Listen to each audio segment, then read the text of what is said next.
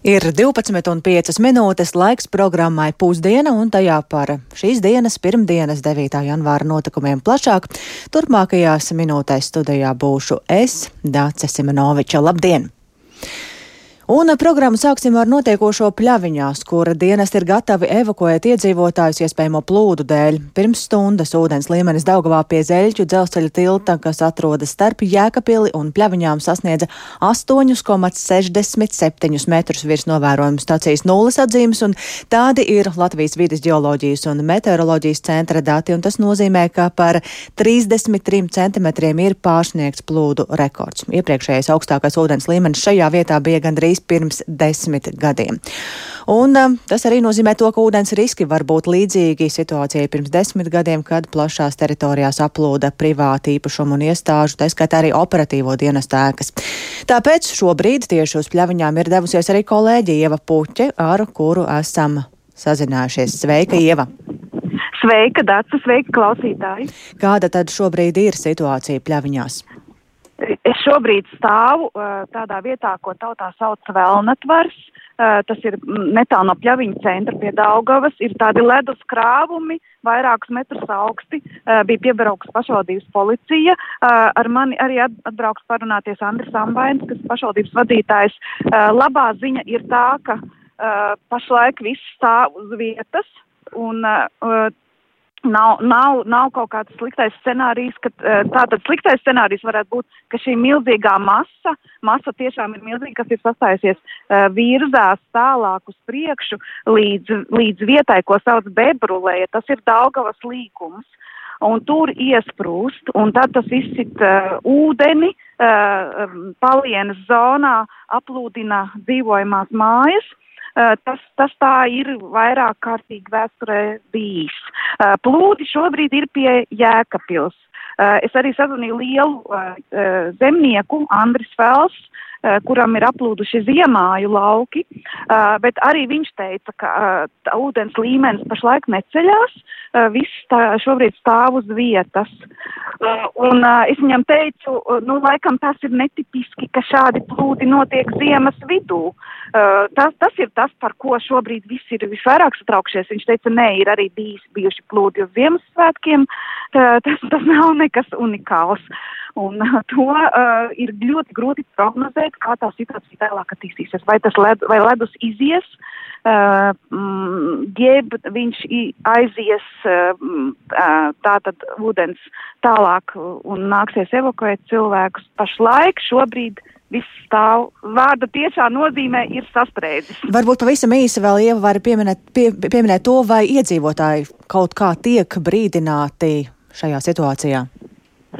Uh, es uh, tūdaļ izrunāšu ar pašvaldības vadītāju to, kāds viņam ir rīcības plāns. Uh, ir tā, ka pie Jēkabpils vairāk šie plūdi var ietekmēt uh, lauksaimniekus. Uh, un uh, tur ir arī tāds vasarnīcu rajons, kas mēdz aplūst nu, uh, viensētas mājas, kur cilvēki dzīvo tikai pa vasaru, bet pļaviņās uh, ir, ir daudz Jā. vairāk iespējami riski iedzīvotājiem. Un es, es jautāšu Andrim Ambainim, uh, ka, kas šobrīd Jā, notiek. Andris, paldies, Jā, Jā, to mēs noteikti Jā. izstāstīsim programmā pēcpusdienu, kad mēs turpināsim sekot līdzi, un tev būs arī gatava reportāža, bet šobrīd mēs um, varam pajautāt Latvijas vidas geoloģijas un meteoroloģijas centra hidroloģija Līgai Klīns, kāda šobrīd ir aktuālā situācija. Labdien! Labdien! Kāda ir šobrīd situācija pļaviņās un kādas ir prognozes? Jā, tā tad uh, situācija dinamiski attīstījās un mainījās uh, pēdējās dienās. Ledus kustība pie pļaviņām ir uh, kļuvusi lēnāka, praktiski tur ir apstājies ledus, tomēr uh, pļaviņu ūdenskrātuves augšpusē pie zeļķiem joprojām turpinās ledus blīvēšanās, kustība tātad virzienā uz aiviekstes grīvas pusi, un ūdens līmenis, lai gan nepārāk strauji, bet tomēr turpina paaugstināties šajā te augšta, augšējā posmā pie zaļķiem. Un uh, kopš vakardienas ūdens līmenis paaugstinās jau arī pie Jēkabpils. Mm. Jāatzīmē, ka situācijas tādu attīstību tieši nevar pateikt, cik, cik tas, uh, kā, kā notiks. Šobrīd izskatās, ka kādu laiku paaugstināts līmenis būs tātad augšējā posmā un pie Jēkabpils. Tomēr eh, šonadēļ iestāsies atkusnis, tātad ledus saga, ne, šis sablīvējums nebūs ļoti tāds blīvs un maskustīgs. Tas var turpināt savu kustību pļaviņu virzienā, un tad tiešām pļaviņās tad situācija nebūs. Uh, Jā, mēs jau šobrīd uh, dzirdējām, ka ir pārsniegs plūdu rekords, vai turpinās uh, ūdens līmenis vēl celties, kādas ir jūsu prognozes? Jā, šī ziņa par plūdu rekordu ir diemžēl maldīgi izskanējusi. Tātad, jā, ir pārsniegts 2013. gada maksimums, bet tas pie zeļķiem nav bijis augstākais. Pie zeļķiem augstākais novērotais ir bijis 1983. gadā. Tas ir par aptuveni divi metri vēl augstāks nekā ir šobrīd. Un pēdējais augstākais, tātad šajā gadsimtā novērotais ir bijis 2007. gadā, kad tas ir bijis virs 9 metri. Tātad. Jā, un vēl pavisam īsi, kāda situācija vai šāda bīstama situācija kaut kur var izveidoties arī citviet Latvijā? Šobrīd joprojām uh, turpinās ūdens līmeņa paaugstināšanās arī Lielupes augštecē, kur brīvdienās izveidojās ledus saga vidusteces posmā un lēteces posmā, bet augštecē tātad turpinās uh, blīvēšanās, uh, tad arī ogres lētecē. Ledus saga atkārtot izveidojās, bet no augšas nākošās ūdens un ledus masas turpina paaugstināt līmeni. Mm. Tā kā mēs situācijai sekosim līdzi un nepieciešamības gadījumā. Jā, un arī mēs turpināsim sekot līdzi turpmākajās programmās. Paldies! Jā.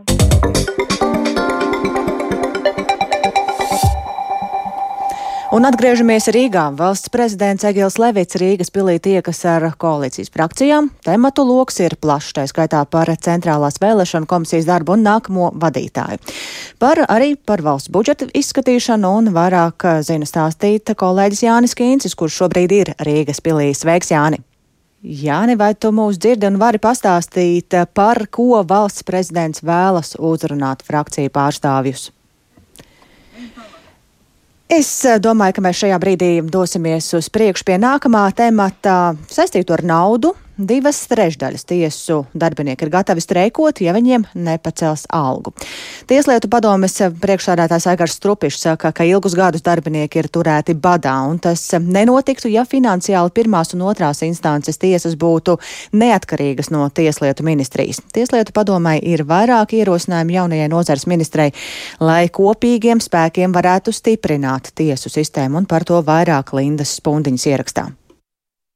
Decembrī Tieslietu padomes saņēma 924 tiesu darbinieku kolektīvo vēstuli par inflācijas ietekmu uz tiesu darbinieku atalgojumu.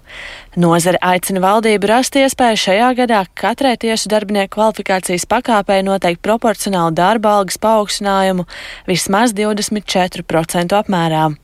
Tieslietu padomes priekšsēdētājs Aigars Strupišs norāda, ka ilgus gadus tiesu darbinieki turēti badā. Runa ir par tiesnešu palīgiem, tiesu sekretāriem un arhivāriem cilvēkiem. Te ir runa par algām robežās no 900 līdz 1200 uz papīra šobrīd. Un, ja mēs runājam par tiesu, kur mēs tomēr gribam normālas kvalifikācijas juristus, ir skaidrs, ka pa 900 normālu juristu mēnesī dabūt nav iespējams. Tā nav vienkārši tāda iegriba kaut kāda, ja, un, un tas jautājums, es teicu, jārisina, jo mēs esam saņēmuši jau tādu kā brīdinājumu no divām trešdaļām tiesu darbinieku, ka viņi ir gatavi arī streikot, ja viņiem alga netiks pacelta. Strupišs norāda, ka šāda situācija radusies, jo pirmās un otrās instances tiesas organizatoriski un finansiāli joprojām ir padotas Tieslietu ministrijai. Šī sistēma sevi nav attaisnojusi. Tieslietu padome vēlas pārņemt tiesu administrēšanu un budžetu. Tiesām ir jābūt tomēr patstāvīgām, tiesām ir pašām jāiet runāt par budžetu patiešo ar saimnieku saimu, ar valdību, nevis caur ministru. Jo redziet, katrs ministrs ir ar savu politisko svaru, ar savām spējām, kā rāda šodienas situācija, ar līdzinējo ministrēšanu ir gājis diezgan bēdīgi. Jāpiebilst, ka augstākā tiesa budžeta ziņā nav atkarīga no ministrijas. Vēl Tieslietu padomas priekšsēdētājs akcentē, ka augstākās tiesas tiesnešu iecelšana arī būs viens no jautājumiem, ko apspriedīs ar ministri. Jāatgādina, ka Saima pērn neapstiprināja bijušos atvērsmes tiesas tiesnesi Sanitu Osipovu par augstākās tiesas tiesnesi. To asa kritizēja nozara. Saimai nebūtu jājaucas profesionālajos juridiskajos jautājumos. Tā apstiprināšana vai neapstiprināšana viņai jābūt uz kaut kādiem saprotamiem kritērijiem. Nevis vienkārši pasakot, ka eh, mums nepatika tiesneša spriedums. Strupišs cer, ka sadarbojoties ar jauno tieslietu ministri Inesu Lībiņu Egneru no jaunās vienotības, varēs stiprināt tiesu sistēmu. Paredzams, ka šonadēļ tieslietu padome tiksies ar ministri. Linda Spundiņa, Latvijas radio. Un kā šo, šo situāciju komentē Tieslietu ministrija, to vaicāsim Tieslietu ministrei Inesē Lībiņai, Lībiņai Egnerē no jaunās vienotības, kura šobrīd ir pievienosies telefoniski. Labdien! Labdien! Ierakstā dzirdējām, ka Tieslietu padome vēlas pārņemt tiesu administrēšanu un budžetu. Ko sakāt par šādu priekšlikumu?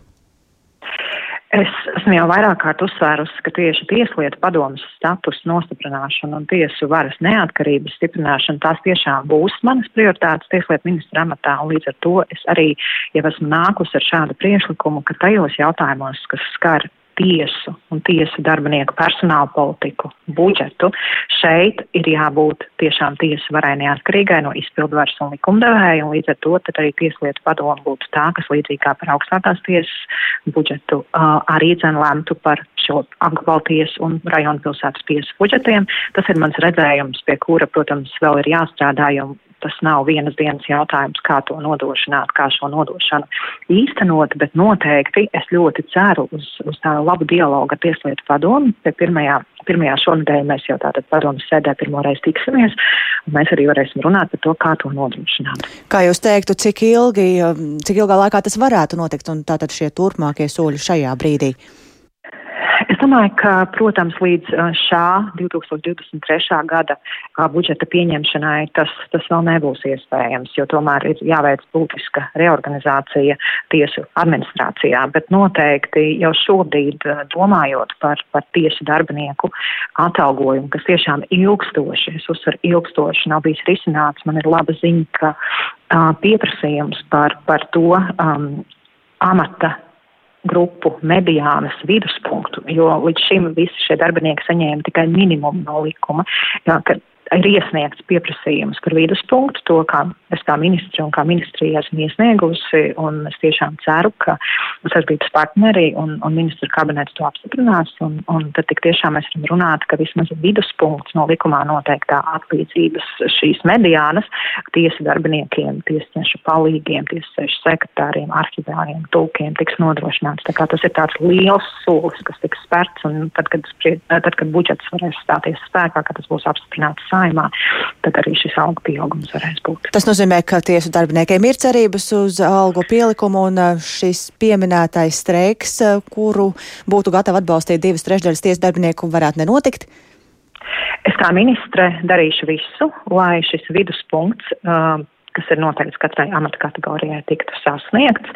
Um, ir tātad pieprasījums iesniegts šā gada budžetām par 4,4 miljoniem eiro.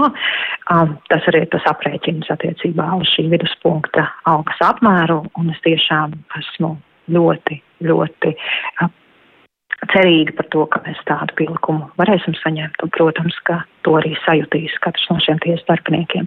Tad nākotnē, protams, um, tieslietu padomas rokās, tad, kad jau būs šī budžeta veidošana, tad var domāt, kā iespējams vēl vairāk efektivizēt uh, tieši tiesas budžeta plānošanu. Jo šobrīd tā situācija jā. ir tāda, ka faktiski, jā, ministrija iesniedz šos budžeta pieprasījumus, bet pēc būtības ministrija arī saprot, ka tiesa vara neatkarīga, un mēs īpaši uh, jau neko reformētu tiesu varas. Um, Atzarā nevaram.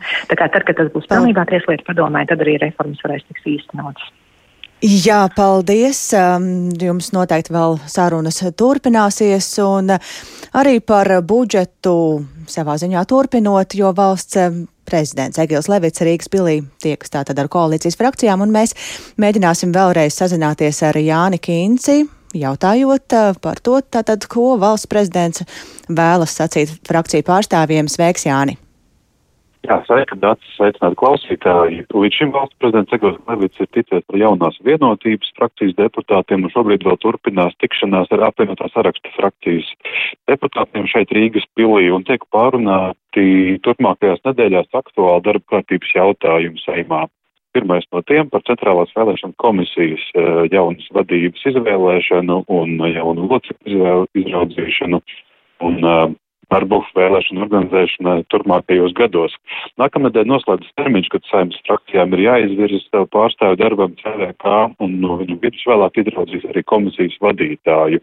Un, uh, Konkrēti jaunās vienotības frakcija ir uzrunājusi vienu no iespējamām kandidatūrām uz Centrālās vēlēšana komisijas vadītāju posteni, un tā ir Pasaules Brīvo Latviešu apvienības valdes locekle, kādreizējā vadītāja Kristīna Saulīte.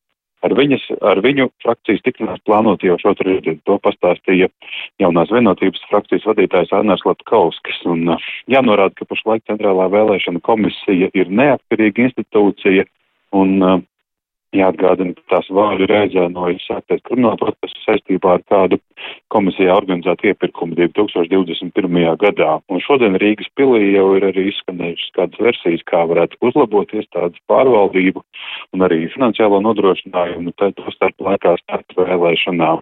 Un iespējams, centrālā vēlēšana komisija ar laiku varētu kļūt par kādas ministrijas, piemēram, iekšlietu ministrijas vai arī tieslietu ministrijas struktūru vai par saimnes sastāvdaļu. Taču par to nu, gan noteikti vēl sagaidāmas plašas diskusijas.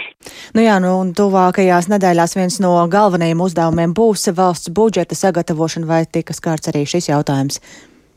Jā, nu, tas jau drīzumā būs finanšu ministrijas un uh, valdības kopējais uzdevums. Un jaunās vienotības deputāti un valsts prezidents ir bijuši viensprāts cerībā par to, ka spējot par to vienoties koalīcijā, valdībā apstiprinātais budžeta projekts saimā nepiedzīvos daudz politisku pārmaiņu, līdz ar to šis process varētu arī neiest tikt pārāk ilgās diskusijās. Te gan, protams, viss atkarīgs arī no opozīcijas lomas tik tā par budžetu, un jā, nu pašlaik tas vēl turpinās saziņa ar apvienotās sarakstu frakciju deputātiem, un tad vēl vēlāk nāk ieradīsies šeit Rīgas pilī arī Nacionālās apvienības frakcijas deputāti. Un par tiem kopējiem secinājumiem tad jau varēsim runāt turpmākajās pārraidēs. Jā, tiešām programmā pusdiena, pēcpusdiena arī dzirdēsim plašāku tavu izklāstu. Paldies Jānim Kincim!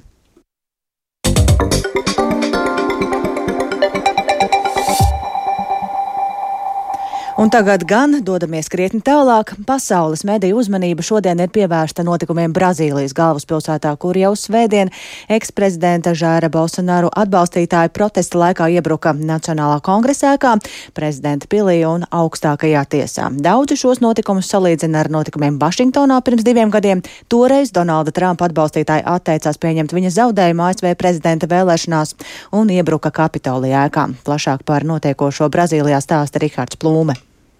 Oh! Pērn novembrī notikušajās vēlēšanās zaudējušā prezidenta Žaira Bolsonaru atbalstītāji galvaspilsētas Brazīlijas ielās izgāja jau svētdienas rītā. Vairāki simti cilvēku pulcējās Esplanādas alejā, kur atrodas vairākas valsts iestādes, tostarp kongress, prezidenta pils un augstākā tiesa. Tērpušies dzeltenos futbola kraklos ar karogiem un plakātiem, protestētāji pauda neapmierinātību ar pašreizējā prezidenta Luisa Inasiju Lulas da Silvas stāšanos amatā un vēlas, lai armija pārņem pārņem kontroli valstī. Vēlāk cilvēku skaits jau bija mērāms tūkstošos un pūlis devās uz kongresu. Lai gan drošības spēki bija lieli, tiem neizdevās cilvēkus apturēt un protestētāji ielauzās kongresā, sākot to demolēt.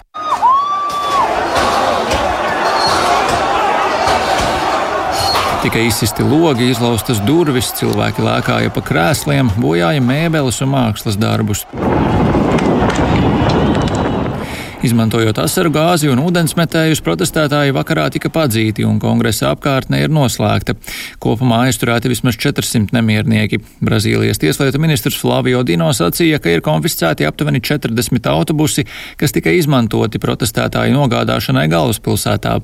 Pašreizējais prezidents Luis Inacio Lula da Silva, kurš nekārtību laikā apmeklēja valsts dienvidu austrumu pilsētu Ararakvaru, nodēvēja iebrucējus par fašistiem. Isso não tem que tirar Mēs centīsimies noskaidrot, kas to finansēja, kurš maksāja par autobusiem, kurš maksāja par izmitināšanu, un visi šie cilvēki par to samaksās.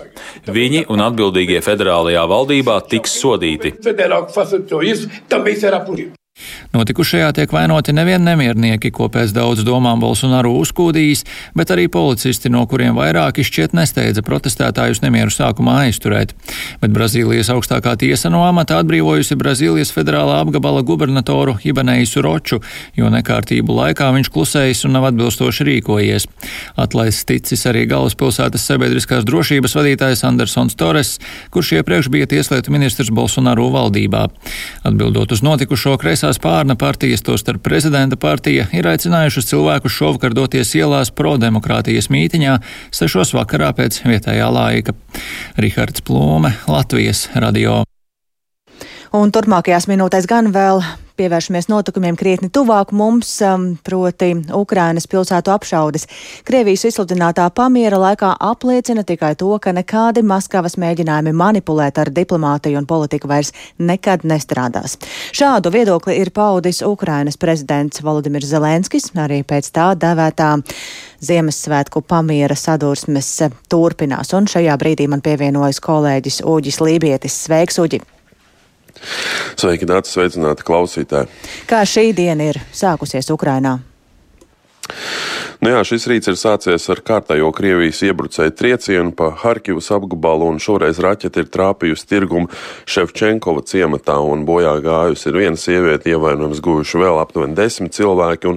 Kā paziņojuši Ukrainas bruņoto spēku pārstāvi, tad pēdējās dienas laikā viss sarežģītākā situācija ir bijusi Solidarā uz ziemeļiem no Bahmutas, un tur iebrucēji veikuši vairāk nekā simt dažādas apšaudas un arī 22 reizes iesaistījušies tiešās kaujas sadursmēs. Šajā virzienā ir nosūtīti Ukrāņu papildspēki, lai novērstu iespējamos Krievijas karaspēku mēģinājumus apiet Bahmutu no ziemeļiem. Un, kā uzskata militārie komentētāji, tad viens no galvenajiem mērķiem ir apiet Bahmutu, iespējams, lai to ielenktu un piekļūtu apgādes ceļiem.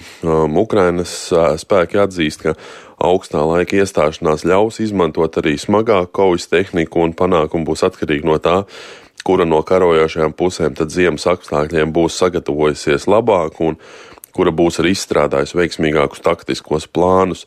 Nu, jebkurā gadījumā Ukraiņas bruņotajos spēkos valda pārliecība, ka kritiskais punkts cīņā par Bahmutu arī vēl nav aiz muguras, un visticamāk, ka visāsākās sadursmes gaidāmas tieši šajā mēnesī. Dace? Un pavisam īsi var zināms, kāds noskaņojums pašlaik valda arī uz laiku okupētajās teritorijās. Jā, tieši šodien ir izskanējis paziņojums, ka okupētajā un gandrīz pilnībā nopostītajā Mariupolē jau šajā mēnesī varētu ievest aptuveni 50 tūkstošus Krievijas civiliedzīvotāju. Par to ir paziņojis likumīgi ievēlētā pilsētas mēra vietnieks Petro Andriušenko, un pēc viņa vārdiem galvenais mērķis esot nojaukt visu, kas ir nojaucams, un attīrīt pilsētu, nu, pēc viņa vārdiem līdz nulē.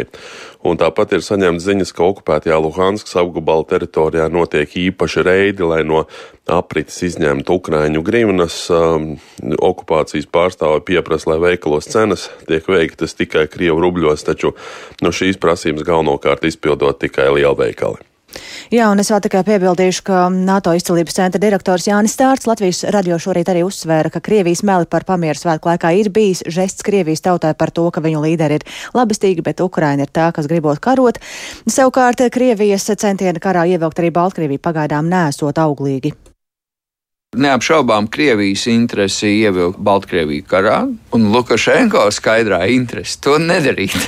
Un tā kā Lukašenko ir diezgan atkarīgs, pat ļoti atkarīgs no Krievijas, nu, tad mēs esam vērojuši vairāk kā desmit mēnešu garumā tāda zuša locīšanos uz pannas karstas. Un šos desmit mēnešus Rutim ir izdevies izvairīties no iesaistīšanās. Bet, nu, protams, Krievijai ir zināmi instrumenti, ko viņi pielieto šobrīd, lai piespiestu bet šobrīd tie spēki Baltkrievijā nav tādi, lai varētu atvērt šo fronti. Krievija būtu ieinteresēta, un noteikti Lukašenko būtu ieinteresēts to nedarīt. Nu, kurā mirklī tie svaru kausi svērsies uz kuru pusi, mums būs jāvēro. Un ar to šajā brīdī noslēdzām tematu par Ukrainu. Turpināsim sekot līdzi un izskan arī programma pusdiena. To producēja Ilze Aginta, ierakstus montēja Uldis Grīnbergs, par labskaņu rūpējās Katrīna Bramberga un ar jums sarunājās Dācis Semenoviča. Mums var sekot līdzi arī sabiedrisko mediju ziņu portālā LSMLV, tāpat arī raidiet rakstu platformās. Yeah.